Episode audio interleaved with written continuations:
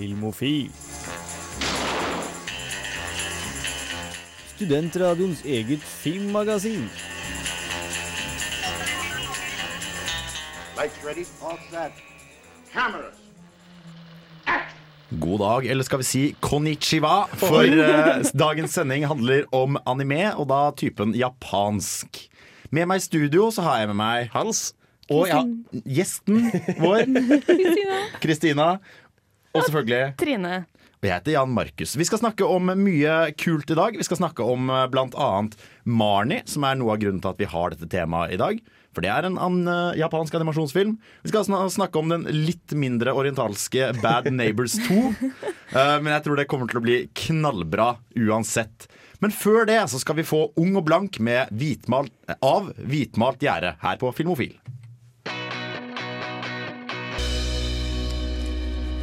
Hører du på? Ja, det er litt sånn spesielt. Jeg tror ikke det er noe du har hørt om, egentlig. Ah, ja. Test meg ut, da. Ok.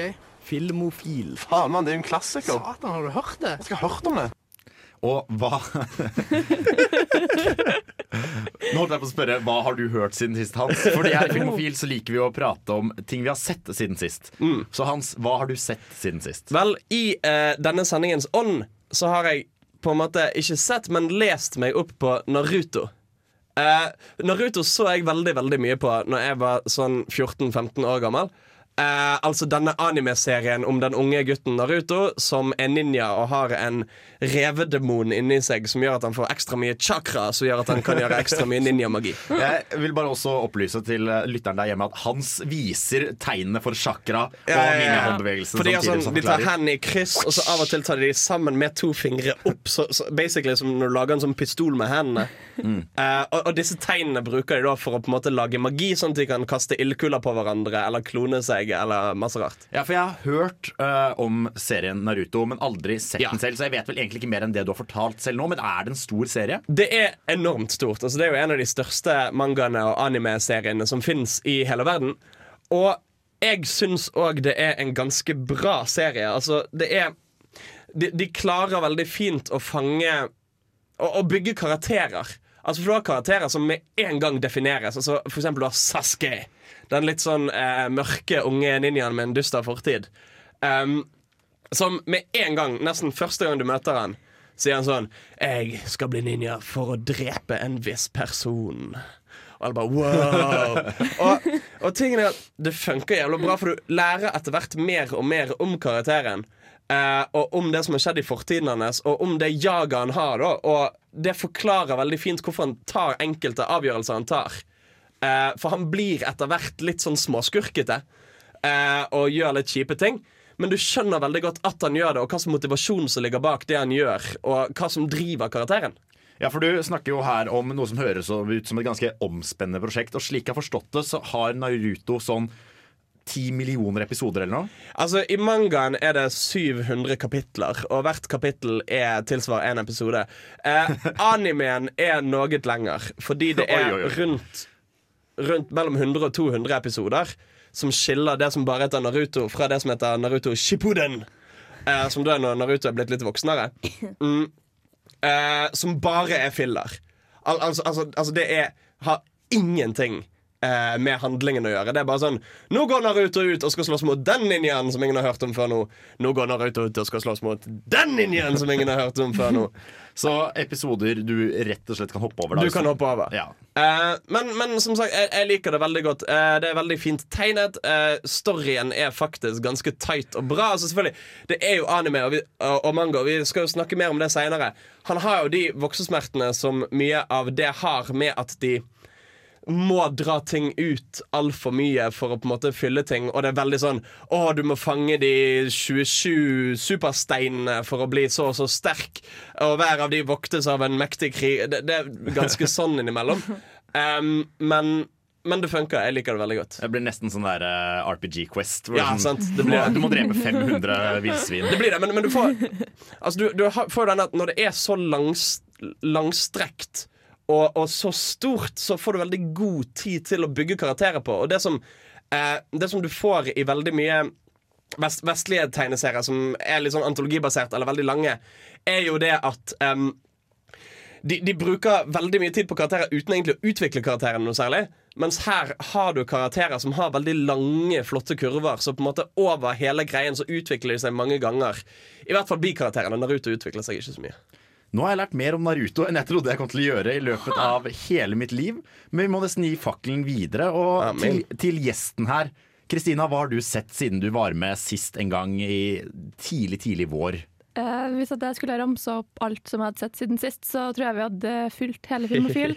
Eh, men i løpet av den siste uka så har jeg jo eh, begynt på Orphan Black sesong fire, er det vel? Ja. Er det bra? Um, jeg sovna. Eh, det skal sies at eh, Grunnen til at jeg sovna, var for at første episode i sesong fire basically eller gjenforteller hele sesong én på nytt igjen. Eh, og jeg har da suttet har da sittet i et år og gleda meg enormt til denne episoden og denne sesongen, og så er det ting jeg har sett før. Så ja. Hva er Orphan Black? Det har jeg ikke sett. Orphan Black, eh, kort fortalt, han er en sånn sci-fi-serie eh, som handler om ei eh, dame som heter for Sarah. Eh, og hun, hun blir vitne til at ei dame tar selvmord, hopper ut foran et tog. Eh, og den dama er klin lik seg sjøl, altså Sarah. Eh, og hun er sånn rebell og har sånn opp, fosterbarn og alt sånne ting. Har på en måte ikke noe fast i livet, så hun bestemmer seg for å ta over livet til hun som tok livet sitt. da.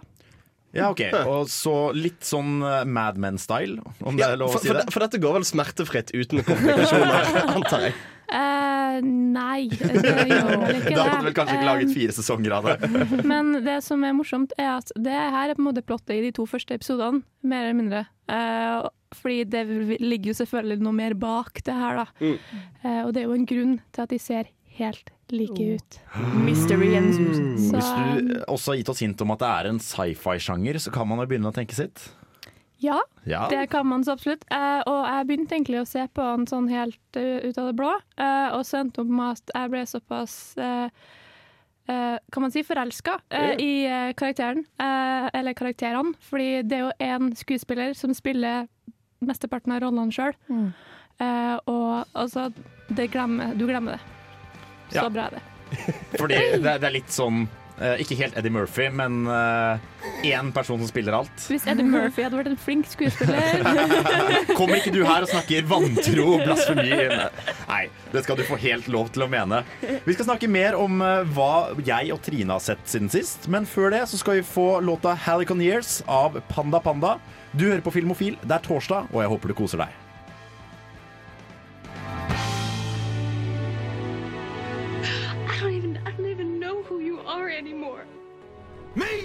I know who I am. I'm a dude playing a dude disguised as another dude. Du lyssnar på Filmofil. Det som er så gøy i den jingeren der, er at Frida er jo ikke engang svensk. Nei, det skulle ikke trodd. Men vi er litt multikulturelle her. Fått litt amerikansk film, litt svensk. Og vi skal høre mer på hva som har skjedd her hjemme i Norge. Trine, hva er det du har sett siden forrige sending? Uh, jeg, jeg lå på onsdagen sånn ganske sånn eh, ødelagt. Um, både av alkohol og andre grunner.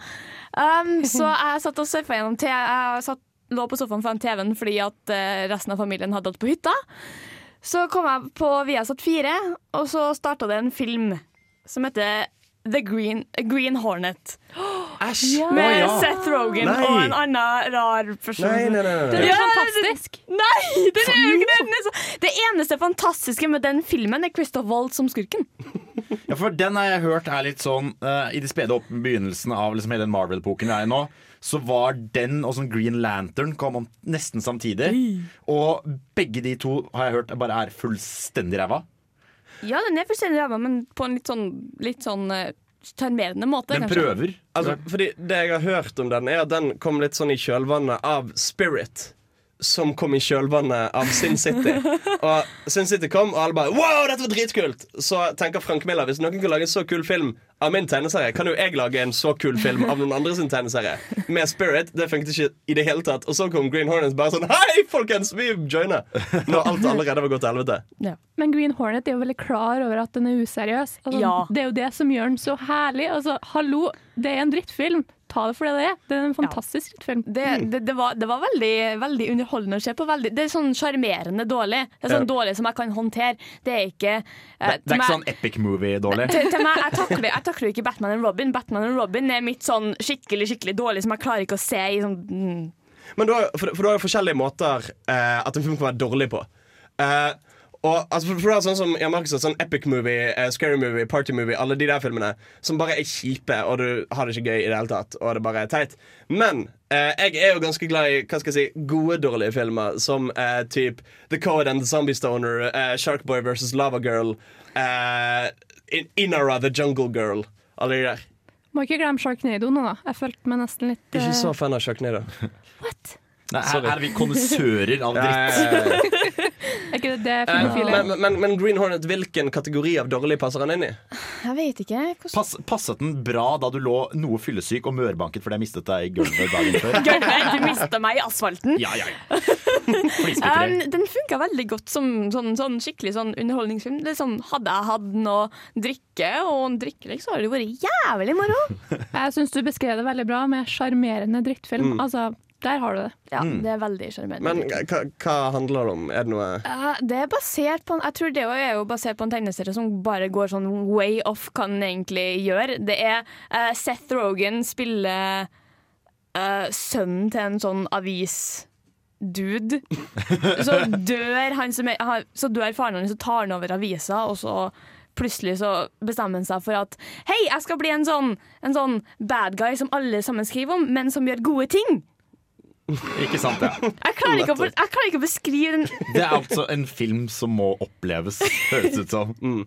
Jeg har tenkt til å fortelle litt om uh, hva jeg har sett også. Det, det jeg vil legge mest fokus på, er egentlig det jeg har sett uh, aller sist, uh, bare noen timer før denne sendingen. Oi. Oi. Eh, jeg, utenom å ha sett hele, gjort meg ferdig med hele sesong én av Rick and Morty, for den er nå på Netflix, eh, som selvfølgelig er knallbra, så så jeg, uh, snublet jeg over i dag på NRK TV til og med. Eh, en uh, timeslang dokumentar om en ganske litt sånn middels kjent TV, britisk TV-kokk som heter Rick Stein, som holdt til i Cornwall.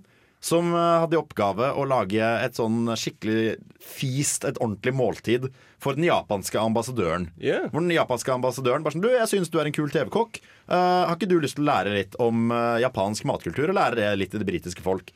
Så han dro til Japan, og det er basically han som er i Japan, og bare lærer om japansk mat og litt kultur og litt skikker og sånne ting i én time. Ja, for du er jo sånn middels uh, glad i mat, Jan Markus. Ja, jeg, jeg vil si jeg er eh, middels glad i mat. Min drøm er jo å vinne penger. Uh, Et gavekort på mat på én million kroner. Så jeg har god samvittighet til å bare gå ut og spise knallbra mat hver eneste dag.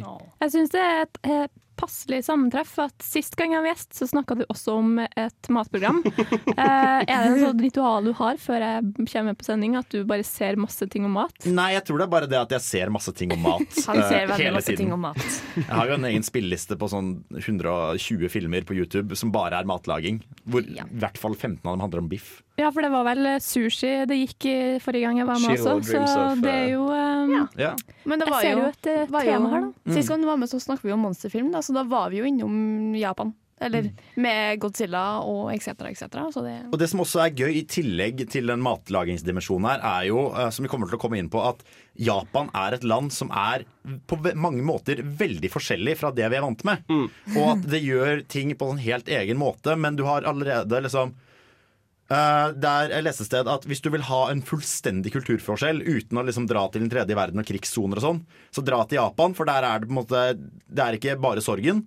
Uh, men det er også en helt annen kultur enn det du er vant til. Så det, Han anbefalte bl.a. Rick Stein, som dro til Japan, at hvis du skal til Japan, dra på et sånn høflighetskurs, fordi det er noen normer og skikker som bare ikke kommer naturlig, som du må lære deg. Og liksom si sånn skal du gjøre, og sånn skal du gjøre. Fordi hvis ikke så kommer du til å gå og tråkke skikkelig i salaten.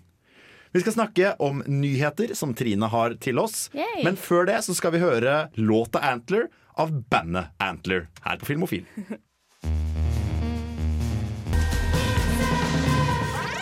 Filmofil gir deg nyhender fra filmen og fjernsynets i spanende verden. Og tiden går videre. Vi har, det har selvfølgelig skjedd ting siden sist, utenom at vi har sett nye ting. Det har jo skjedd ting ute i den store, vide verden. Og Trine, hva kan du fortelle oss av nyheter? Ja, jeg lurer på om For et par uker siden så sa jeg jo det at han eh, godeste Roar Uthaug skal lage en ny Tomb Raider-film. Og han, han har da tidligere lagt Bølgen, Fritt vilt og Julenatt i Blåfjell. Det er en ganske flink norsk Ja, regissør. ganske fin norsk regissør. Nå har de funnet sin Lara Croft, Ja! og det er da Alisha Vikander. Mm, Nei! Hvorfor sier du nei, Kristina? Jeg, hadde et, altså, jeg var en av de få som heia på Daisy Ridley. En av de få. Nei, Ah, ja. OK, en av de mange, da. Det er sikkert ingen som syns at hun hadde passet til det. Ja, nei, men Det er jo spennende. Jeg tror jo det er en rolle hun kan gjøre veldig bra. Og det er jo hva skal jeg si, en underdrivelse å si at Alicia Vikander er nå up and coming. Ja, men det jeg tenker umiddelbart um, Eller det jeg tenkte umiddelbart etter jeg så at hun hadde blitt kastet til det, er jo at uh, Tomb Raider-spillserien har jo på en måte utviklet seg i hvordan Lara Croft framstår, altså hovedpersonen. Uh, som har gått fra en sånn bein i nesa, no nonsense, uh, kvinnelig Indiana Jones til å bli en sånn litt sånn ressurssterk, men grinete jente som eh, havna i situasjoner litt for store for hun. Eh, og mye grining og mye sånn 'Å, hjelp, alle har forlatt meg, helt alene.' Og nå må jeg finne ut av ting. Um, så det jeg tenker da er at For Angelina Jolie, som spilte Tomb Raider i de to forrige filmene, eh, passet jo veldig fint til den tøffe rollen. Ja, ja, hun ligner jo på den, den første Jeg ser for meg at Alicia Vikander har den typen ansikt at hun kanskje blir den litt mer pinglete og litt mer Grine-Lara. Grine-Lara. Og så skal jo nevnes at Alicia Vikander har karisma på nivå med en treplanke. Så sånn sett så tenker jeg at det her blir et perfekt Vet du hva? Hun spilte jo robot veldig, sant det? Touché. Ja, det, er det er en fin casting, men eh, jeg vet ikke, jeg syns bare hun er litt sånn for babyface. Og kjedelig. Nei, spill av lyden igjen. En gang til? Ja. Jeg trenger lyden min! Det kommer en Space Jam 2.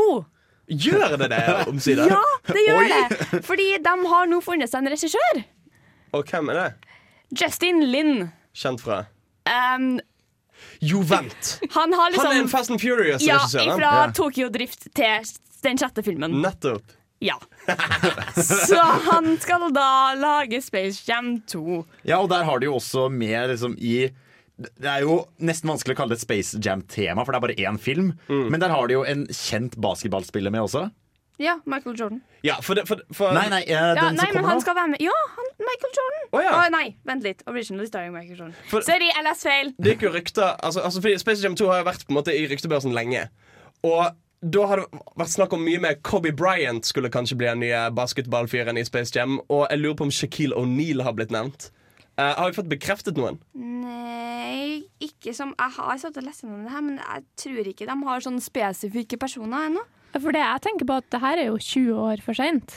Ja. Altså, jeg digga men- Space Jam da jeg var liten, men uh, uh, tydeligvis som skal Cleveland eh, Herregud, hva er det her for noe? Hva er det her for noe? skikkelig déjà vu fra forrige gang jeg var gjest. ass. Eh, Å, takk, jeg skal ikke ha nyhetene mer. Ha det bra!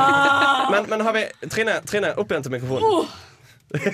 Ja, men liksom, Jan Markus sto der, han kunne jo hjulpet meg med forbanna navnet. Ja, jeg fant ikke jeg heller. Han, han her! Så kan vi da bekrefte at det har ikke blitt bekrefta Nei, jo, eh, men det står uh...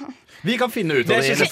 Cleveland Cavaliers forward. Men det er ikke Trine? Trine? Nei, jeg vet Trine. det. Det går bra. Trine.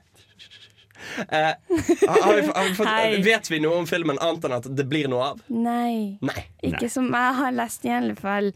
Frøken veldig forberedt Men vi er selvfølgelig ekstremt optimistiske. Å, går det her noe mye bedre da? Um, er noen som har hørt om Michael De Luca?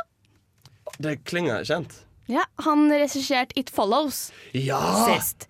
Olø. Og nå kommer han ut med en ny film som heter Under the Silver Lake. OK. Som da tydeligvis skal være en modern day noir crime thriller. Så de har muligens fått en som skal være stjerna i filmen. Andrew Garfield. Ja! I hvert fall. Jo, ok, ok, ok. Umiddelbart positiv. Uh, for det første Er du umiddelbart positiv? Hvem skulle trodd? Um, for det første, det jeg syns var jævlig kult med It Follows, er jo at den klarer å på en måte Jeg syns det er et eksempel på en god modernisering. Uh, av, av en sjanger, altså Det at han klarer å ta på en måte 70-80-tallsskrekkfilmen og forme den til at den passer dagen. eh, n- nåti- nåtiden. Um, Og at han kan gjøre det samme med noir-spion-thriller-greiene. Uh, og samtidig Andrew Garfield, jeg digger fyren. Ja, han har vært den beste Spiderman så langt, spør du meg. Nei. noen som er enig. Tom Holland er. Jeg har ikke sett Civil War. Nei, jeg vet det, men Men uh, jeg tror jo at det er, det er veldig fort med sånn uh, Hva skal jeg si sånn plutselige suksesser at det blir en sånn slags noe svakere oppfølger. Fordi du har på en måte gått med denne ideen du har jobbet med Ja, ja, i sju år. Og så endelig så får du samlet nok finansiering til å lage den. Og så går det kjempebra. Og så oi, shit, vi får lage en til, da, nå som vi fortsatt er hot. Kan jeg være Debbie Downer her og spørre Kan han faktisk klare å lage en bra noir-film, i og med at han er såpass fersk i gamet? Jeg tror det at han, eh, som Hans nevner her, har klart å fange veldig essensen av en tidligere sjanger. En tidlig sånn, eller en 70-80-talls skrekkfilmsjanger. Som er rett og slett naila og gjorde moderne.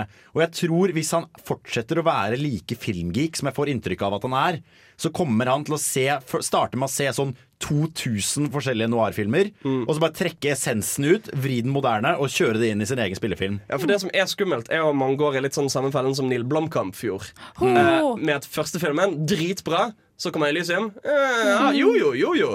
Som Chappie. mhm. Det Vi, vi snakker ikke om Chappie. Vi snakker Nei, ikke vi om snakker Chappie. om Chappie. Vi trenger ikke snakke om Elisium Elysium heller. Altså. Men vi er, Unnskyld meg. Hallo. er vi positive, Trine? Selvfølgelig er vi det! er positive. Jeg har bare én nyhet til, da. Ja. Um, det er om Guillermo del Toro.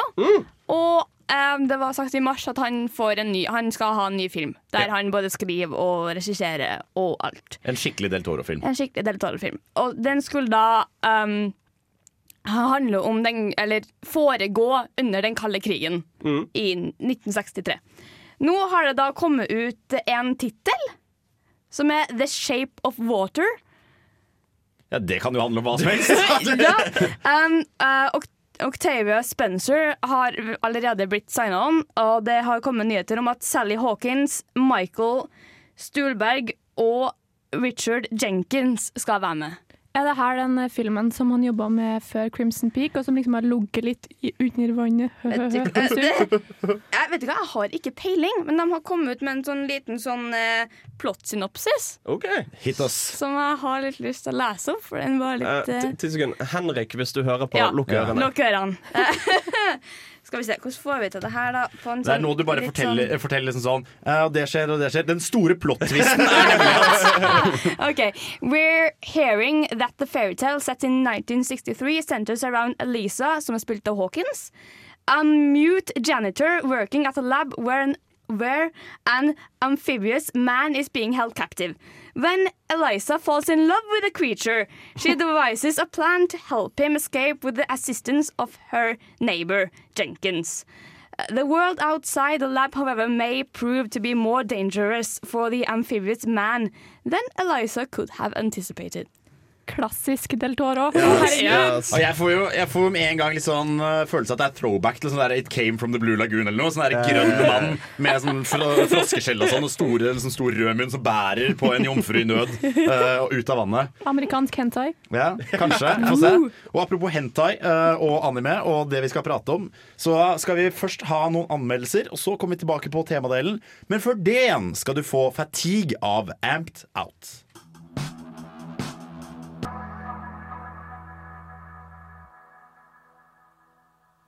Vi har jo vært og sett slik vi gjerne gjør i Filmofil, filmer på kino som er nye nå, og som dere snart skal få lov til å se. Har vi det, Jan Markus? Nei, har vi? Du har det, Hans. Stemmer. Og jeg snakker om vi som i hele Filmofil som samlet enhet. The Royal We. The Royal We. Men du har vært og sett en film. En film, en oppfølger til meg. Ja, Bad Neighbors 2. Ja. Uh, og den er jo med Seth Rogen. Med Seth Rogen og uh, Zac Efron. Uh, hun ene jeg aldri husker navnet på. Og Chloé Grace Moretz. Ja, hun eh, lille jenta fra Kickass, som ikke er så liten lenger nå, kanskje. Kan jeg bare kommentere at jeg liker at du ikke kan si navnet uten å liksom le litt inni det? Hvilket navn? Bad Neighbors 2. Det så ut som du holdt på å le. Er det en så morsom film? Hele anmeldelsen er bare Altså det er, Vet du hva, Jeg syns vi bare skal høre anmeldelsene. Kanskje vi rett og slett bare skal gjøre det. Hva kan jeg si? Jeg liker Seth Rogen-komedier. Dialogen bærer ofte preg av improvisasjon, de tuller med rusmidler og har innimellom overraskende gode budskap. Bad Neighbors var sånn sett noe annerledes, hvor Rogan spilte nybakt familiemann som måtte kjempe mot fratboys som han garantert ville vært på samme side som for bare noen få år siden. Det var en college fratboy-komedie, hvor det var meningen at en skulle heie på de voksne som prøvde å stoppe de, noe som føltes nytt og ferskt. Nå er oppfølgeren her, og dessverre er mye av nyskapningen borte. Det føles med en gang mer kjent og forutsigbart, selv om viljen er der og han har et og annet godt poeng. Det er på ingen måte noen dårlig film, men han går litt for mye på automatikk innimellom. There's no I in sorority. Yeah, there is. There's two, actually. There's actually there's just one. No, that's a Y. No, in the middle. That's an O. Two I's straddling the Y. S O R R I A Y O R I T Y.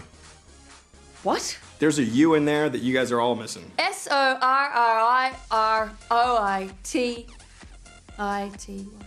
Sorority. That's how you spell it. You think the titty is silent? Seth Rogan venter sitt andre barn og skal flytte inn i et nytt hus. Mens kjøperne tenker seg om, flytter imidlertid et sorority inn i nabohuset, og familien må sabotere de for å få solgt huset. Sorority kjemper samtidig sin egen kamp, hvor de prøver å vise at de kan eksistere på sine egne premisser uavhengig av fraternityene. Utover det er det stort sett en lang kavalkade av scener hvor de slåss mot hverandre og alltid prøver å overgå motstanderen. I Bad Neighbors fungerte dette bra, men i oppfølgeren er det litt flere av disse scenene som bommer litt. Likevel, det funker når det funker. Here's the plan I'm gonna get up on stage and I'm gonna dance, distracting the girls just long enough for Mac to run around and steal the weed. Kelly, Paula, I need you both to drive getaway. I can't have you running around here because you're pregnant. Wait, wait, wait, wait. Just you dancing is enough to distract the entire sorority? I don't know about that. That'll work. It'll work. That'll It usually works. I don't even know where we are right now. Yeah. Okay. Okay. Det er mye som funker i denne filmen. Dialogen sitter stramt, og alle skuespillerne har kjempegod kjemi. Zac Efron er tilbake som gutten som aldri har hatt noe annet å leve for enn fraternityet sitt. Denne gangen på laget til Seth Rogan, siden han vet hvordan college kids tenker, og kan hjelpe dem med sabotasje.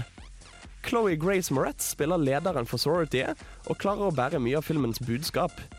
Filmen begynner med at hun finner ut at sororities ikke har egne fester, men kun går på frat-fester, og hennes reise i filmen handler stort sett om å skape sin egen festkultur. Denne typen film har tradisjonelt sett vært veldig mannsfokusert, og det er gøy å se at jentene får fokus denne gangen, hvor jentene får lov til å feste sånn de vil, og ikke med mål om å være sexy for guttene. Ooh, yeah. slept in like a week. I just don't want to miss out on anything. You guys are so much fun. We're never gonna lose each other. I mean, what do you call a house full of united women? A brothel. No, man. A sorority.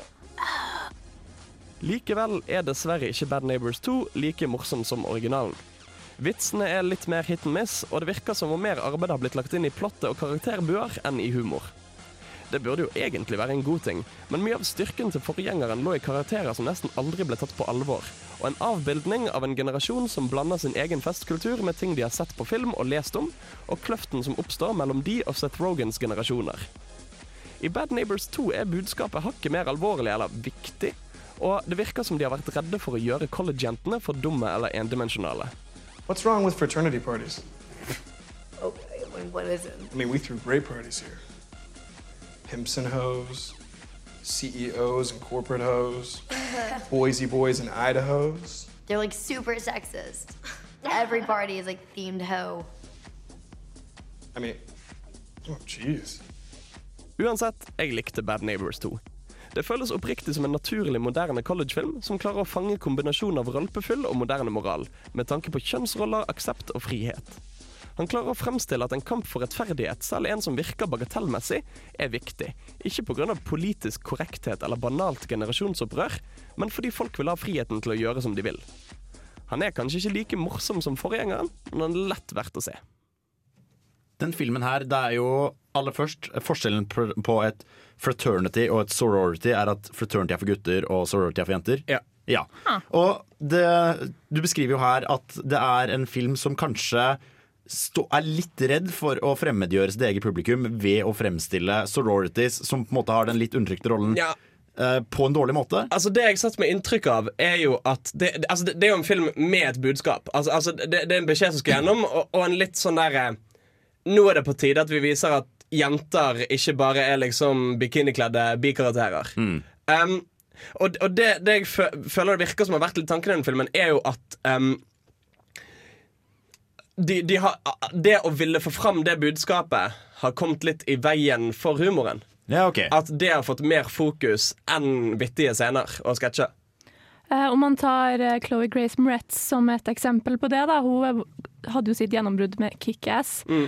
Uh, og tror du det kan være bevisst da, at de brukte hun uh, som har, har Kick-Ass-rollen, som var sterk og selvstendig? Altså Det er sikkert ikke ubetydelig. Hun har jo litt det um, Litt den der bein i nesa-type uh, attituden. Uh, og hun, hun gjør en kjempejobb. Hun gjør en kjempejobb Men det, det, det som altså, altså litt, litt, litt av det som er kult med Bad Neighbors 1, er jo det at de spiller på veldig veldig etablerte uh, ting. Um, Hele den frat college-filmgreien er allerede veldig etablert, og overraskelsesmomentet kommer på en måte ut av at Seth Rogan plutselig er imot dem, og du heier på Seth Rogan. Fordi all, Du er jo som regel alltid på siden til fratsene, som må på en måte stå opp for retten til å feste mot etablissement, etablissementet. Men i denne filmen så må de på en måte etablere så mye nytt. Altså, altså det med at Du har jenter som prøver å skape denne frat-kulturen for seg sjøl og på sine egne premisser. Så de bruker så mye tid på det at det blir mindre tid til rett og slett vittige scener og pranks og alt Det blir rett og slett et nesten litt for avansert plott. At det er ingen helt definert fiende, eller bad guy, da. Ja, det blir litt det For det, I det forrige så var det liksom Det var drittungdommene eh, mot den fornuftige foreldregenerasjonen. Og her er det en litt undertrykt eh, kvinnelig gruppe mot en annen gruppe. Ikke sant? Så det blir en sånn litt med virvar. Jeg er jo en av dem som virkelig hater sånne her type komedier. Mm. Uh, jeg elsker Bring It On, uh, som da er sånn college-opplegg-film. Uh, men sånne her ting blir for dumt. Altså, det blir så endimensjonalt. Jeg skjønner ikke hvordan de kan gjøre det morsomt over lengre tid. da.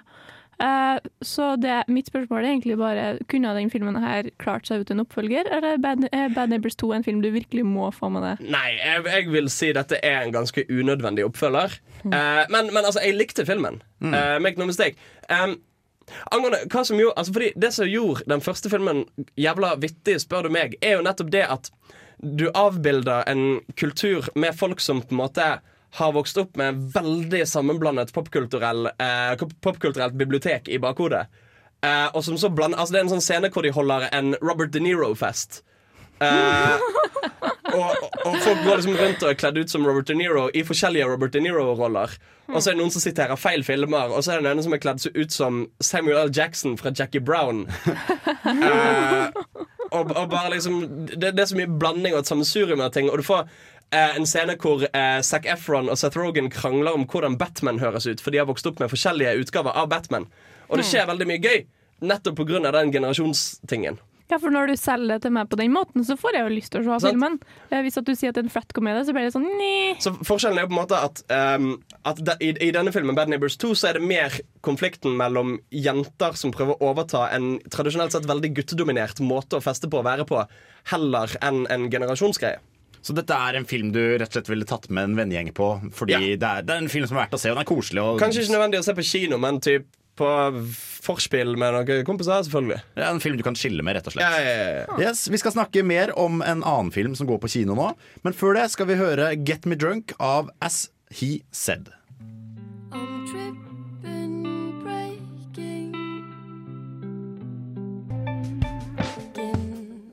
Det er jo en film som går på kino nå, og som egentlig setter stemningen for denne sendingen når vi snakker om eh, anime. Det er en film med navn Marnie. Uttaler jeg det riktig? Ja, Marnie, min hemmelige venninne, eller When Marnie Was There, på engelsk, som er så mye Mm. For den er ikke helt ny sånn på verdensbasis. Helt ny, nei, nei, nei, det kommer jeg tilbake til anmeldelsen min, da, for så vidt. eh. Ja, men da syns jeg vi bare skal kjøre på, jeg.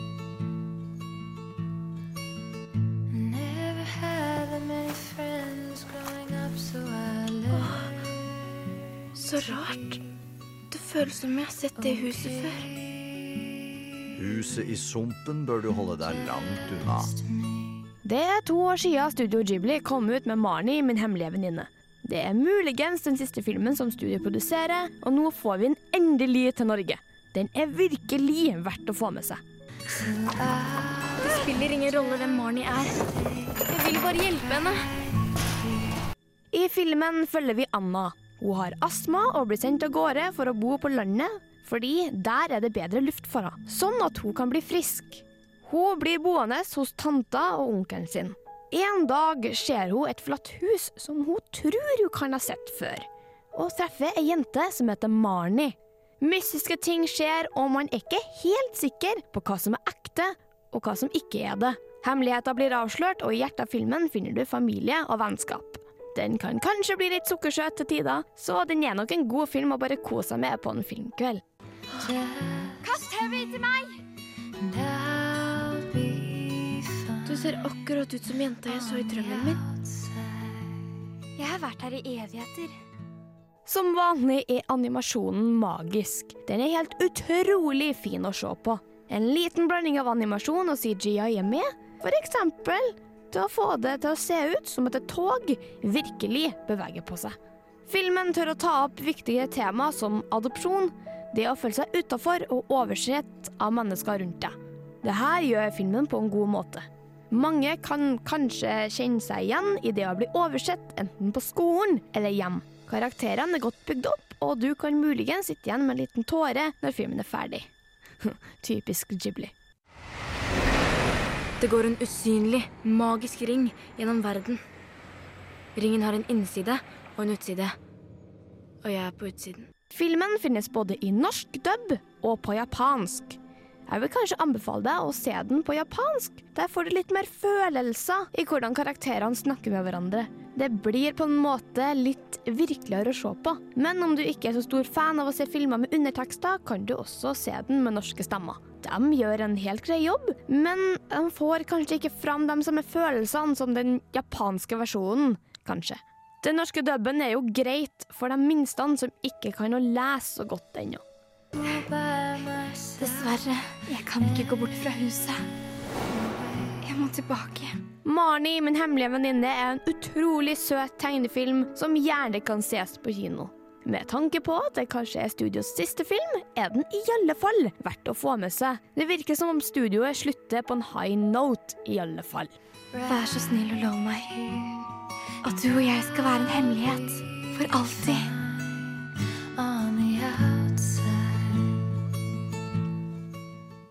Det høres jo ut som en veldig, veldig koselig film. Ja, den er kjempekoselig.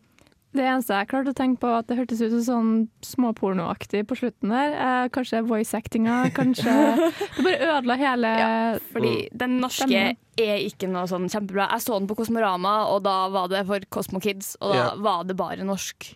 Har du sett den japanske utgaven? Ja, jeg har det. Det er mye bedre på japansk. Jeg har sett litt av den Jeg har sett halvparten på engelsk og halvparten på japansk. Mm. Og både den engelske og den japanske versjonen er så mye bedre enn den norske. Ja, for det er jo noe som du sier at selv om du ikke engang forstår hva de sier, så formidler det veldig følelsen Ja. i filmen, at det er litt mer treffsikkert når du får det på originalspråket, Ja. istedenfor noen som får timesbetalt for å kaste seg inn i studio og dubbe det. Eh, Men det her er jo, du nevner jo også at dette er en veldig vakker film, og det er jo noe som er ganske karakteristisk for Studio Ghibli. Og du nevner jo at, også at dette kanskje er deres siste film, så du burde få med deg. Hva er for de som sitter og hører på deg hjemme, Studio Ghibli? Eh, skal, vi ikke, skal vi ikke til Studio Ghibli senere i sendinga? Jo, det skal vi! vet du hva, Det har du helt liksom- rett i. Så liksom, det er, det er sånn kort fortalt at det er et japansk eh, animasjonsstudio Mm. som eh, er Miyazaki. Man kan jo si at uh, Studio Ghibli er på en måte Jap Japans eh, Walt Disney, kanskje? Ja. Mm. De samarbeider jo også med Eh, en, en ting jeg, jeg lurer på altså det, er jo på en måte, det er jo ikke alle Ghibli-filmer nødvendigvis som er utelukkende barnefilmer. Eh, det virker jo som en del av de spenner litt. Altså fra 'Prinsesse Mononoke', som er ganske voksen, til 'Min nabo Totoro', som er ganske barnslig. Ja. Eh, hvor i spekteret vil du si den havner? jeg syns den havner på en sånn fin sånn middel. Mm. Men det er jo Jeg er liksom ikke helt sikker, for at eh, den, den har litt sterke scener av og til. Ja. Eh, Ikke sånn kjempe, men det er liksom bare de temaene de tar opp, passer kanskje litt bedre for unger som er litt oppi alderen, i stedet for dem som er veldig små. Så hva Så tenker du liksom- er liksom eh, ideell alder å ta med en kid på? Jeg veit ikke. Kanskje sånn sju-åtte? Sju-åtte? Ja. Så hvis du, har, hvis du har noen småsøsken i det aldersspennet, eller eh, dine egne barn til og med Eller bare Det er sånn alle aldre. Jeg Ja. elsker den. Eller bare finn deg en unge. Ja, eller bare kidnappe en unge på gata. Bare ta Så den med deg. ta den med og se, se den filmen her. Nå skal vi høre 'Dance My Way' av Inculcado. I know this game, I've done it before.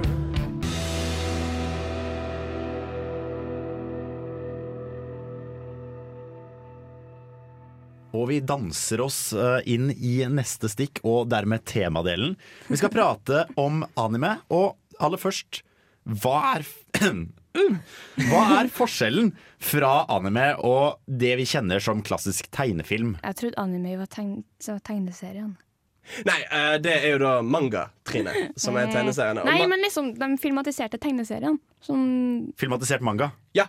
Eh, det, det, det er mye det som er mm, anime. Av og til er det òg motsatt. At animen kommer først, og så blir det en manga ut Ha, av det jeg, visste ikke, jeg visste ikke at det var filmene, liksom. Jeg har alltid sånn, satt anime med Ja, filmen, filmen er ikke anime. Nei. Vel. Fordi at jeg trodde vi skulle Nei. snakke om Japa japansk animasjon. Sånn, sånn, ja. det også Eh, Japansk animasjon er jo anime, eh, sånn kort betegna. Men det Jo. finnes forskjellige typer anime. Mm. Så hva er forskjellen fra såkalt vestlig tegneserietradisjon? Altså, Du har jo noen troper som gjentar seg veldig i anime. Um, det er jo veldig, altså, det er Som i Pokémon, dette samlerinstinktet.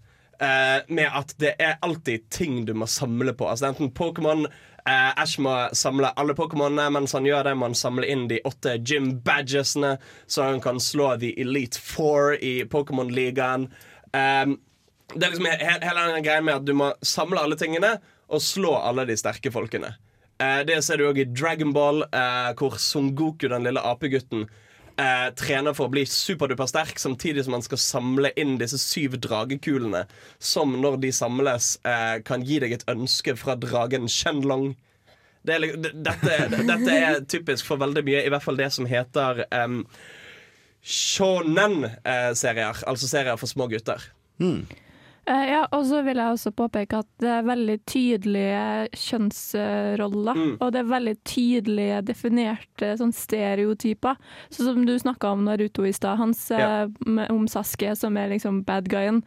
Uh, og det er kanskje mer tydelig definert da, uh, i anime enn hva det er i vestlig tegneserie. Og så har jo den, den, den uh, skikkelige forskjellen med hvordan eh, det er animert. Ja. Det er, jeg syns det er så mye finere. Det er veldig mye som er så mye finere enn den vestlige. Mm. Det er også veldig humorbasert, og de er ikke så redd for å ta seg selv for uh, uhøytidelig. Uh, ta seg selv høytidelig, heter det vel kanskje. uh, mens i Vesten så skal alt liksom være perfekt og moralsk Mm. fint, mens i anime så er det litt sånn Nei, vi kan fint ta upskirt shot, liksom. Det er helt greit. Og det er jo en veldig, veldig annen type humor òg ofte. Altså Mye mer overdrevet og eh, nærmest surrealistisk humor eh, enn det er i vestlige. Altså, det, er på en måte, det, det er sjelden bruk av ironi og sarkasme for å få fram humor. Det, det er lite bruk av referanser som basis for humor. Eh, det er veldig Veldig brå humor, skulle jeg si. Veldig Mm. tydelig og rett på humor. Mm. Og så har du jo tidligere snakket om Naruto, som har på en måte dette e episke spenneverket på sånn Ja. 200 episoder. Det er vel kanskje mer en gjennomgående greie også at det er en veldig lang sånn historieark, i motsetning til kanskje vestlige tegne, nettopp tegneserier som er mer episodisk. Hvor det ene ikke nødvendigvis er avhengig av det andre. Ja, og, og uh, veldig altså, altså dette, igjen, dette er jo veldig shonen-anime, altså myntet på unge gutter. Da er det jo ofte sånn at det, det, det nærmest modulært eh, i hvordan de forteller historiene. Så du har eksempel Onepiece, som handler om den unge lovende sjørøveren Monkey D. Ruffy. Um, som reiser fra øy til øy på jakt etter en eh, spennende skatt, og på hver øy så skjer det da hijinks med de lokale folkene. Og grunnen til at de er så lange òg, vil jeg tro at eh, de utforsker karakterene. Altså, Mm. Du skal bli kjent med de her, du skal bli glad i de, du skal heie på de, du skal hate de. Ja, ja, ja. Og det får du ikke til på sånn fem episoder. Det må du nesten, da må du ha 20 pluss episoder for å bry deg om historien og de igjen. Så det lar seg jo sånn sett sammenligne med uh, superhelttegneserier uh, i Vesten. eh, hvor du òg har disse lange historiene med de samme karakterene. Um, da til motsetning fra sånn som for Donald, som er veldig sånn antologier. Så du har eh, mange historier som ikke egentlig har noen connection seg imellom, men du har en lengre kanon og en lengre eh, Beklager. Eh, en lengre tidslinje og en større arcs, liksom. Ja, fordi Det første jeg tenker på når jeg liksom tenker vestlig tegneserie, er jo på en måte Snurresprett, Donald, eh, Mm. tidlig Disney Mm. eh, og Warner Brothers.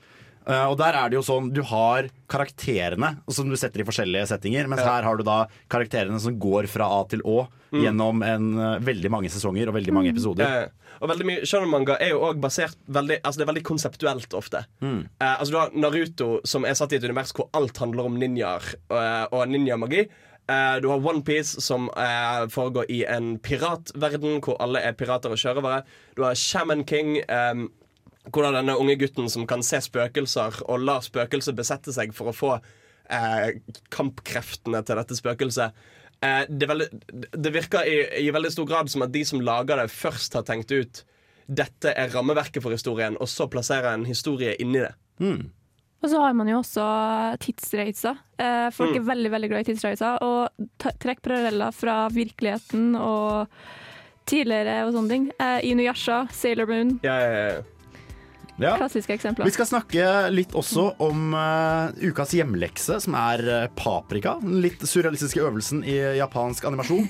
Men før det så skal du få Maja Vik med låta 'Natural Selection' her på Filmofil.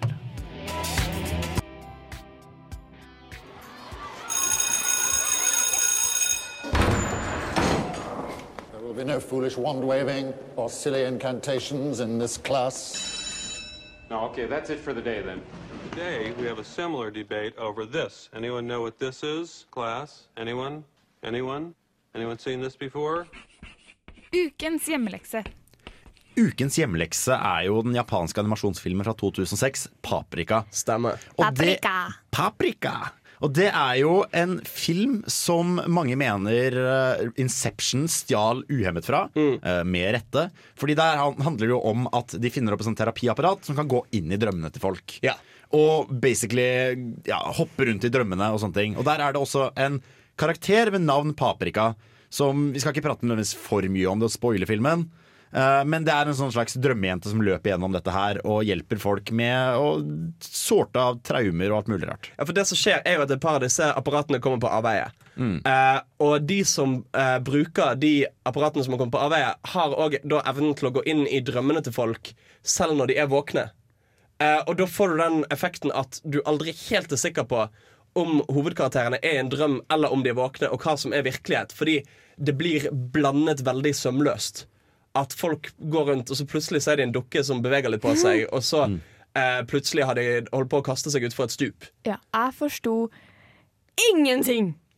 Men- Av og til. Jeg satt der og bare Hva mm, eh, eh, eh, Dokkene friker meg ut! Hjelp, hjelp, hjelp! Nei! mm. Og jeg er helt enig i det, at det er tidspunkter eh, selv etter filmen hvor du ikke skjønner helt noe Du skjønner ingenting. Nei. Men det er en såpass pen og eh, hva skal jeg si, uttrykksfull film at du bare OK, jeg Ja, skjønner ja, ja. ingenting, men jeg koser meg.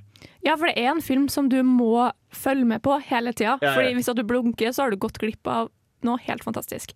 Det er så mye detaljer som du er nødt til å følge med på. Eh, og som sagt, går du glipp av en liten ting, så har du plutselig mista de siste fem minutterne av filmen. Mm.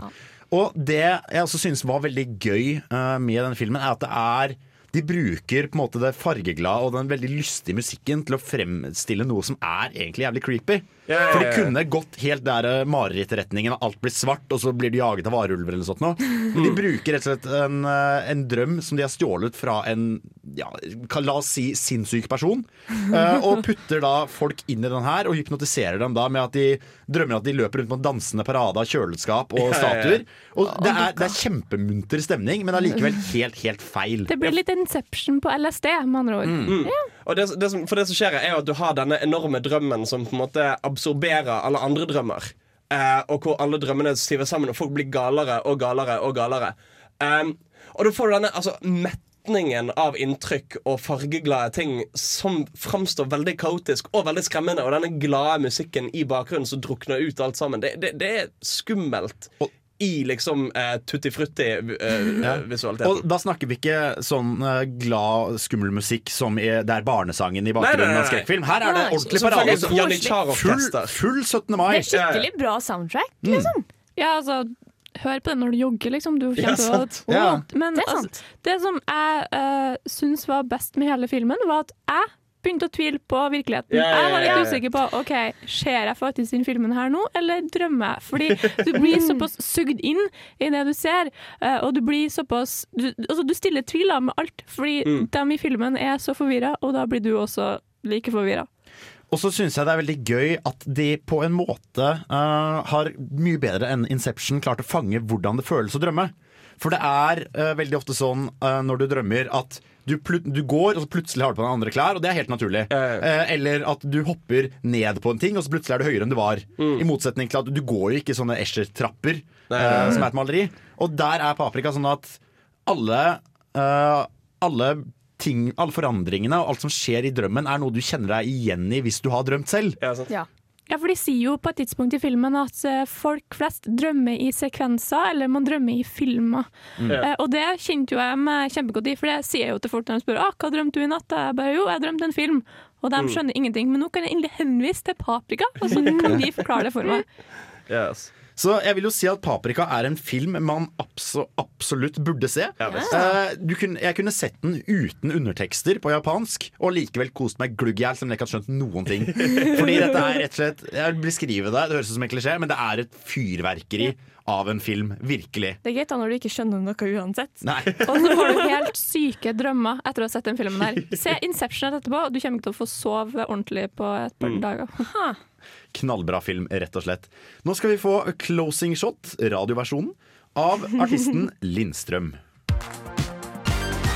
For et program i burra med både klasse og stil. Du hører på Filmofil. Og vi skal snakke nå om Studio Ghibli, tidligere beskrevet i denne sendingen som Japans Disney. Og uh, hva er det som gjør Studio Ghibli verdt å nevne? Altså En ting som er kult med Ghibli, og hvordan han Hayao Miyazaki uh, lager filmene, er at han ikke skriver historiene på forhånd. Uh, han finner på storyen i filmene når han lager storyboardsene. Ok, Og det blir ikke liksom et lappeteppe av plott? Nei, det blir, filmene funker jo. nei, så Han sitter når han lager storyboardsene, så bare sånn hm, Ja, nei, så sier vel han det og det og gjør det og det. Lappeteppe av plott vil jeg egentlig synes beskriver Ghibli ganske bra, men det er et veldig fint og veldig Mm. sammenhekla lappeteppe. Altså, de har så mye forskjellige elementer som passer for alle og enhver. Jeg tror det er derfor at både barn og voksne liker Ghibli så godt. Og så er det jo noe med hvordan de lager film, fordi han bruker jo sånn så lang tid på å lage en film. Det er vel Han har brukt sju år plutselig på å lage en film, fordi alt håndtegnes. Eh, og i en, eh, i en hverdag som vår, så er, blir jo det stadig sjeldnere og sjeldnere. Disney har jo omtrent gått 100% digitalt. Uh, og det gir jo noe eget til filmen, i og med at hvis du bruker sju år på å tegne en film, så vil du gjerne lage noe bra. Ikke sant? Ja. Istedenfor å pumpe ut noe sånn der, eh, halvveis uh, drit eller noe som er godt nok og tjene penger i kassa, sånn som for eksempel Neighbors 2. Og det, det jeg syns Hold kjeft. Det jeg syns òg, er jo at um, Ghibli og Miyazaki er jo et studio og en fyr som veldig fint tar unger på alvor. Eh, det er liksom Særlig Chihiro og heksene, for eksempel, da, som handler om den hva 11 år gamle jenten som plutselig havner i et sånt monster eh, og får lyst til å hus eh, slash bordell og alt etter hvordan Oh, du tolker filmen. Away. Ja. Um, som basically er hun som må fikse opp i ting og være ressurssterk for å finne ut ting, men likevel veldig tydelig er, en, er et barn. Er en ung jente. Det er liksom ikke sånn at hun er en barnekropp med veldig voksne egenskaper for at hun skal, skal kunne klare det. Hun klarer å overkomme de utfordringene hun har som barn. Mm. Og at det ikke blir, blir på en måte ikke en verden som tilpasser seg fordi hun er unge, men det er rett og slett en unge som klarer å fikse voksne og store problemer. Ja, for det, det er noen ting jeg liker med Studio Ghibli-filmene, er at de bevarer liksom den uskylden. Mm. De prøver ikke å tvinge karakterene til å være noe de ikke er. De bare lar dem være seg sjøl, og så presenterer de en verden som eh, eh, Herregud. Presenterer verden som de kan klare seg gjennom ved å være seg sjøl, samtidig som de da vokser. Uh, det, altså, det er mer realistisk enn å liksom eh, enn hvordan Hollywood gjør det. Ja, men, men det, det, det, er noe- det er noe veldig lite nedlatende ved det. Mm. Ja. Uh, det, det er noe veldig sånn Dette er for unger, og for at unger skal kunne si Dette er kult, dette liker vi, dette er folk som snakker vårt språk. Og så er det overkommelig også. Altså, det Ja, ja. setter ikke noe helt ufattelig høye standarder for at ok, du må være sånn og sånn for å klare det her. Du Mm. trenger bare å være deg sjøl. Mm. Hurra! Og det er jo Dere sier jo at det hovedsakelig er sett på som barnefilmer, men det er også anerkjent. Eh, hva skal vi kalle det, I de voksnes rekker. I en veldig stor grad. Det er jo um, Jeg tror de har vunnet Academy Awards før, kanskje. Ja. Eh, og også høster jo kjempekritikker blant alle som elsker film. Ja, ja.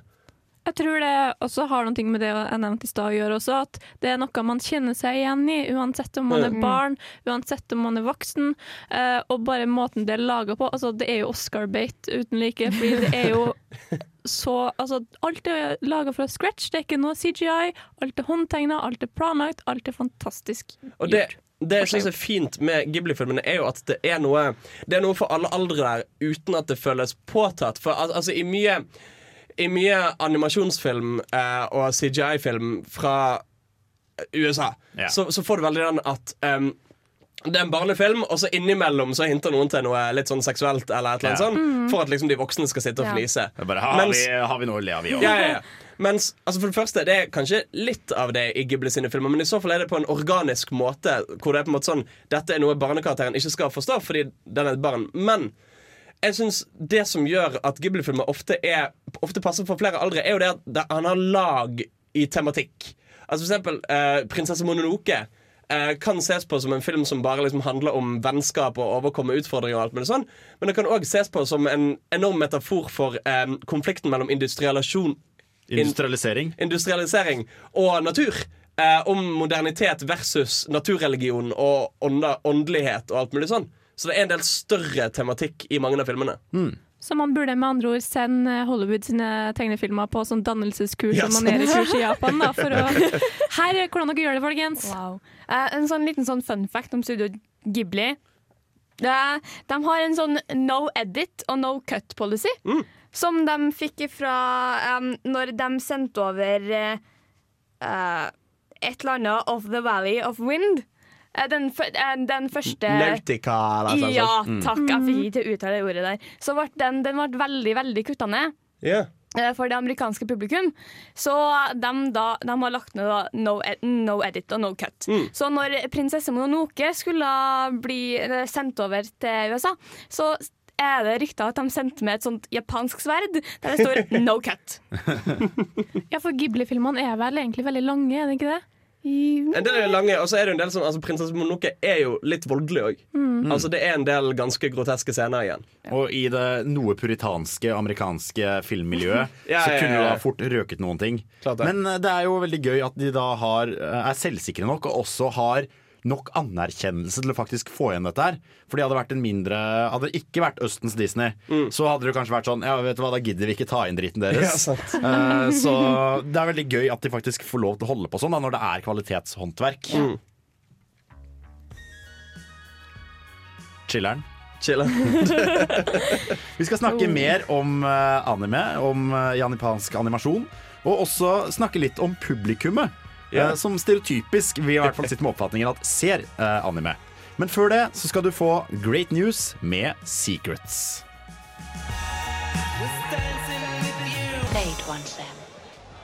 Det er jo alltid å ha musikk når den er påtent. Helst noe indisk eller pakistansk. Ukas filmlåt. Og ukas filmlåt er faktisk ikke fra en film, men det er fra uh, Hva skal vi kalle? Vårt, lite, vårt lille stikk Ja. til publikum. Altså Fordi Hans, du Ja. har vært en av dem. Jeg har vært en av de. Uh, jeg var ganske sånn angsty og innesluttet som uh, ung tenåring. Jeg har sett bilder, og ja, det stemmer. og og, og da, da blir det mye manga eh, og anime. Og da blir det mye new metal. Men hvorfor går anime og angsty teens hånd i hånd? Jeg, jeg vil tro det, det, det, det har mye å gjøre med at altså, For det første, du treffer samme målgruppe. Eh, altså, altså Du har folk som gjerne føler seg litt sånn utenfor, litt sånn annerledes. Um, som basically every teenager ever. Mm. Eh, og da er det på en måte både det at du på en måte oppsøker um, tegnefilmer sånn som er litt sånn voksnere og litt sånn mørkere.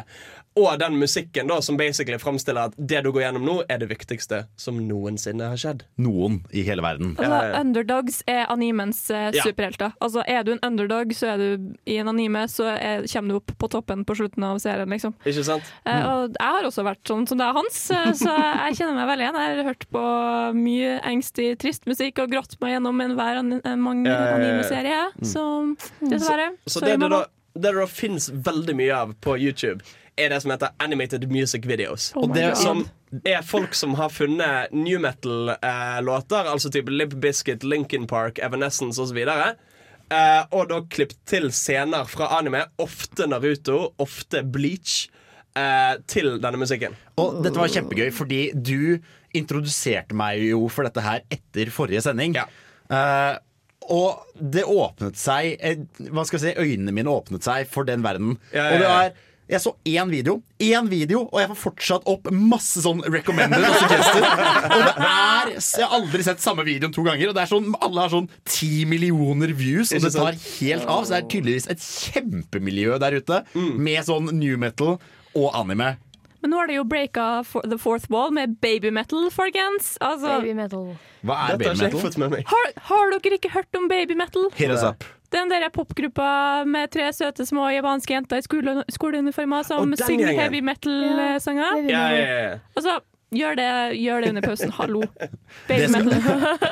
Så uh, det er nok også noe i det du sier at folk føler seg litt utenfor, og da går de gjerne til det som ikke er helt mainstream kultur Ja. også. Og at da snubler du over denne her. Enten så blir du brony, eller så begynner du å se på anime og høre på, høre på new metal. Og i den anledning så skal vi nå høre på selveste Evanescence med 'Bring Me To Life'.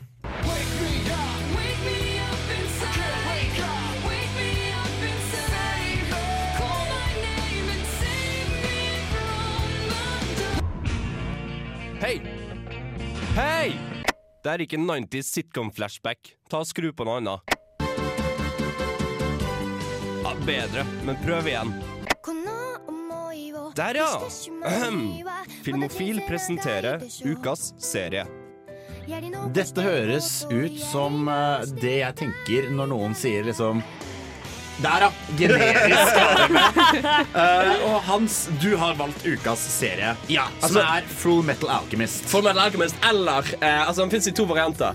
Eh, du har Full Metal Alchemist og du har Full Metal Alchemist Brotherhood. Hva er forskjellen? Um, Alle sier at Brotherhood er best. ja, altså, altså Hovedforskjellen er at uh, Full Metal Alchemist, uh, som bare heter Full Metal Alchemist, kom ut samtidig som mangaen Full Metal Alchemist.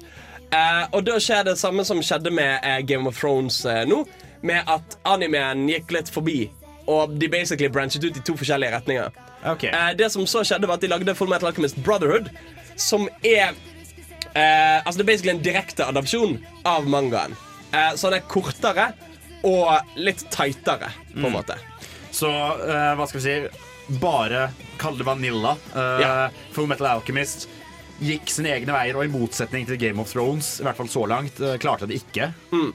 Um, og ja, det er Full Metal Alchemist Brotherhood jeg har et best forhold til. Um, dette er da en eh, anime-serie som handler om brødrene eh, Edward og Alphonse.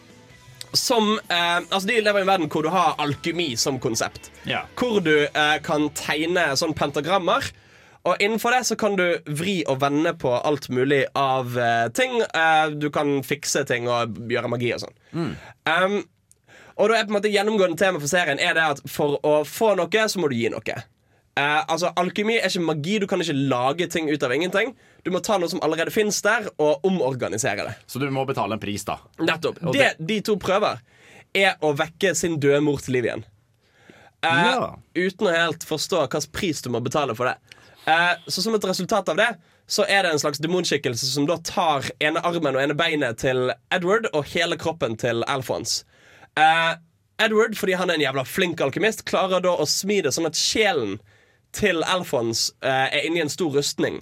Og han sjøl får sydd på em, sånn bioniske, bionisk arm og bein. Eh, derav er de da The Full Metal Alchemist. Aha. Kristina, har du sett denne serien? Jeg har eh, sett brøkdeler av den. Eh, Igjen, jeg sovna eh, for at det er et recurring theme. Eh, ikke for at det er kjedelig, eh, men feil tidspunkt, kanskje. Fordi du sovner. Ja, fordi jeg sovner. Eh, men men det, som, det som er kult eh, med den serien, er jo at dette er Altså For det første, han er ikke så veldig lang. Uh, han er på em, Animen er vel på 70 episoder, tror jeg. Og i anime-verden så er jo det, Det er ingenting. det er Ingenting. Er ikke Brotherhood eh, litt kortere? Jo, det var Brotherhood jeg mente. Ah, ja, OK. Um, og poenget er at det er en på en måte fast historie. Da, på en måte. Det er ikke så mye filler, det er ikke så mye uh, rare ting som skjer. Det er stort sett De går her fordi de skal prøve å finne de viser stein. Ja. Som angivelig da skal gi deg kraften til å kunne eh, gi folk livet tilbake. underveis møter de da på um, Sorry. In, basically inkarnasjoner av de syv dødssyndene som prøver å stoppe dem. Eh, og så er det en større konspirasjon med en slags gudaktig demon som prøver å spise sjeler for å bli allmektig. Og litt sånne ting Og nå har jo du blitt litt, uh, i hvert fall i angstverden, gammel og grå. eh, og kan ikke lenger farge håret ditt svart og gå med maskara. Men vil du fortsatt si at denne serien er verdt å se? Ja, altså, altså for, for å si sånn, Dette er en serie jeg så for rundt omkring et år siden. Ja, ok Eh, Og koste meg med. Fordi det er igjen Litt av mitt problem med mye anime og manga og sånn er at det, er så, det blir så langt. Uh, og det spinner ut så jævlig. Men dette er ganske kortfattet og ganske konsist. Uh, og er, slett- altså, de tar opp en del ganske stor tematikk altså, altså rundt disse alkymistene. For det finnes flere av dem. Uh, de ble opprinnelig brukt som soldater, så det tar opp mye sånn eh, tap av uskyld. Eh, hvor går grensen mellom at teknologi og sånne ting er til gode for mennesket, og hvordan det brukes eh, i krigssammenhenger og krigsforbrytelser, grusomhet, undertrykkelse og sånne ting. Det tar opp en del ganske tunge tema. Jeg tenker at Det her høres jo litt ut som Harry Potter møter yeah. uh, Sanderson. Brendan Sanderson. Eh, Så jeg jo altså, Nå føler jeg at jeg har gått glipp av noe kjempestort ved å Mm. sovne etter et par episoder. Nei, det, det, det, Jeg syns det er en skikkelig kul serie. Vet du hva, Det høres faktisk ut som noe jeg kunne likt også. Det høres jo akkurat passe gritty, trist og realistisk ut. Ikke sant? Eh, det var jo, Jeg hadde min egen opplevelse faktisk med det jeg fant ut i ettertid, var Full Metal Alchemist. Alchemist. Og jeg satt på et hotellrom uh, i Thailand og så da en episode hvor de møter en eller annen sånn slags hund. Som Ja. jeg senere har funnet ut at er den mest creepy episoden. Det, den er rett i hjerteroten. Altså. Ja, Så jeg satt så fem minutter av dette her bare sånn Du, aldri, aldri mer, altså. Men, men, men det må ikke du spoile for noen, for det er en fucking eh, river ut hjertet ditt. ja, nei, jeg, husker, jeg husker ikke hva som skjedde. Jeg husker bare at jeg tenkte det her er dritcreepy. Ja, For det er også en ting jeg har hørt, at uh, man kommer seg ikke gjennom den serien her uten å grine eller ha en identitetskrise minst tre ganger. Oi, så jeg kommer til å sitte ligge i fosterstilling i flere timer. Ja, ja, Å hva, vi- nei. Skal vi se den sammen, Trine? Ja, skal vi Vi, gjøre det? og få med dere eh, Frida også, så kan dere ligge og liksom riste og hulke og Vi kan tørke hverandres Det tårer. finnes ikke nok is i verden til å Nei, nei, nei. motgjøre denne Å, vi kan ha grineparty. Høres knallbart Kanskje, kanskje jeg stikker innom. Vi får se hvor lenge jeg tåler det. Nå skal vi høre, før vi snakker litt mer om eh, hvordan anime bruker klipping og editing, så skal vi snakke, høre Motorpsycho med låta Spin, Spin, Spin her på Filmofil.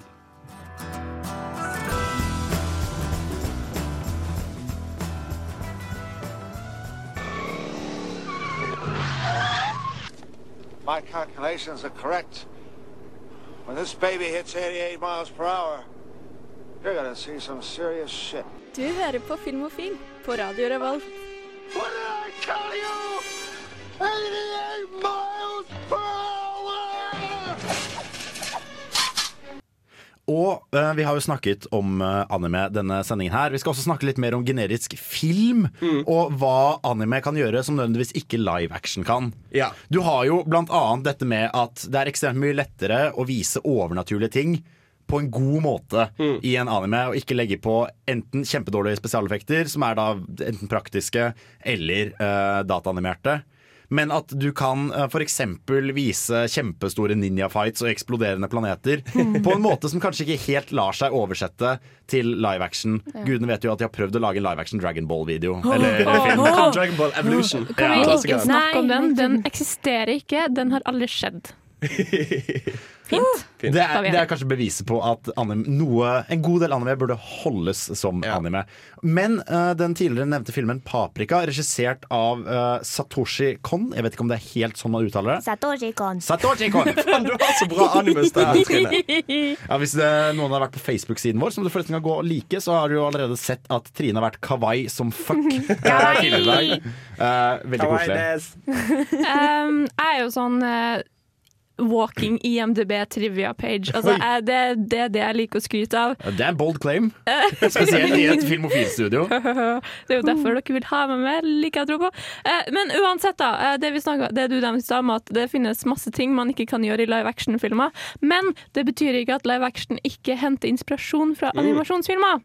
Fordi nettopp Paprika er jo uh, kjent, altså, har en del uh, scener som er blitt recreata i andre filmer, av annet kjente, eh, kjente regissører som eh, Darren Aronofsky. eh, Kjent for. for uh, Å gud, jeg har uh, Requiem for a Dream, ja, The Wrestler. ha. Og Black Swan. Altså Black Swan og Requiem for a Dream og Christopher Nolans Inception, Mm. som vi nevnte også i samme navn, eller setting som Paprika, har alle scener som er tatt fra Satoshi Kon sine animasjonsfilmer. Mm.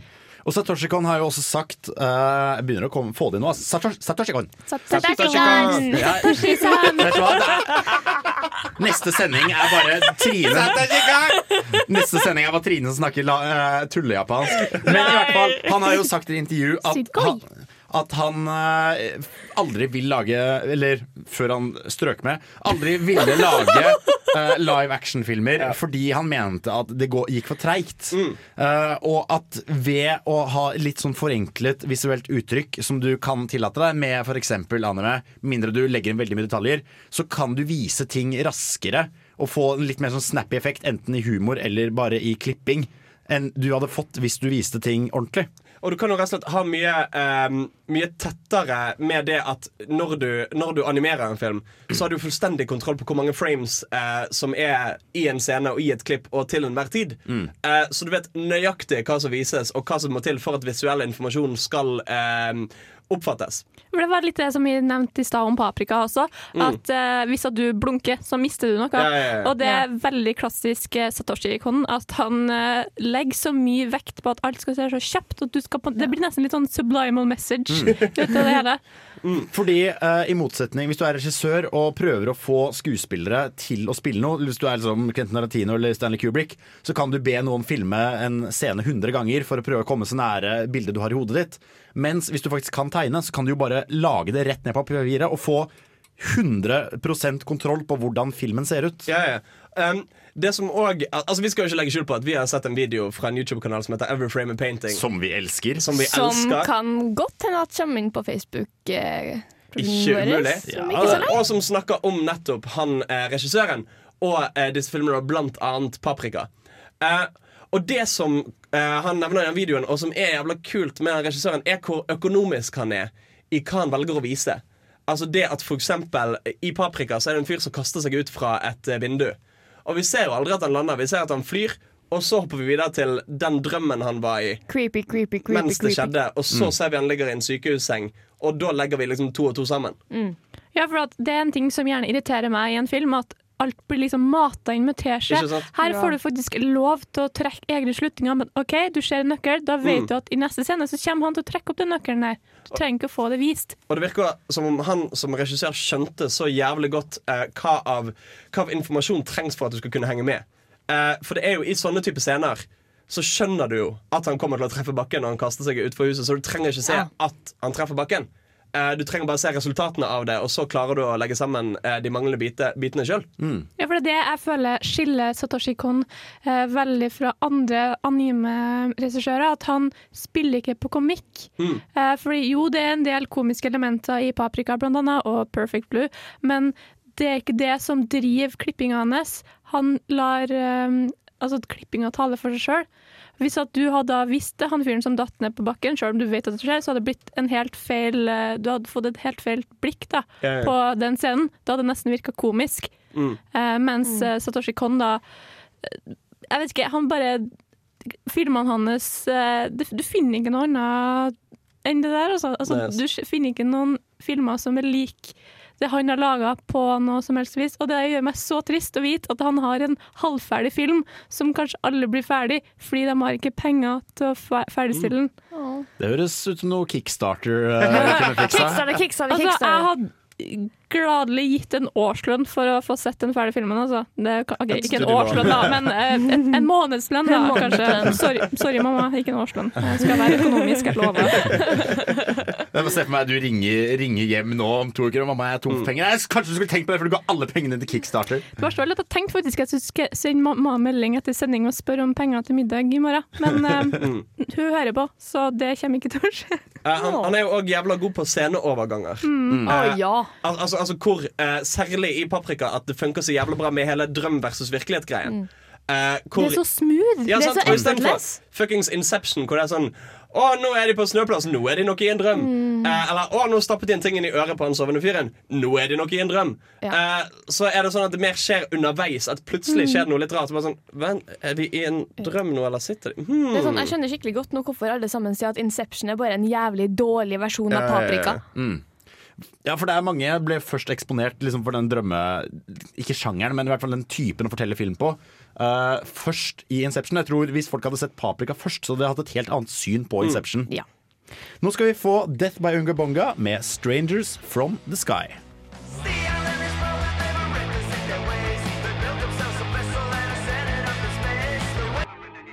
Hei, jeg er eh, Agnes Kittelsen, Og jeg er Aksel Henning.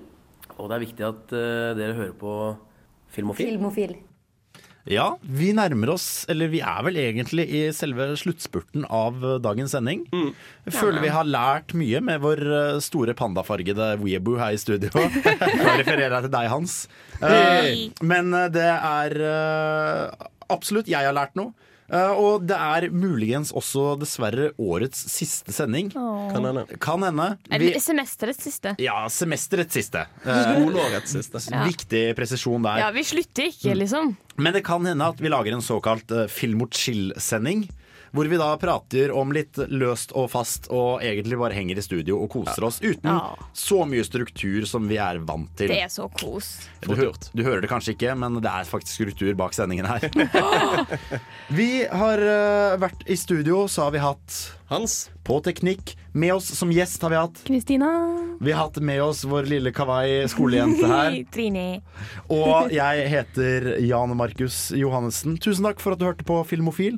Får du ha en fortsatt fin kveld.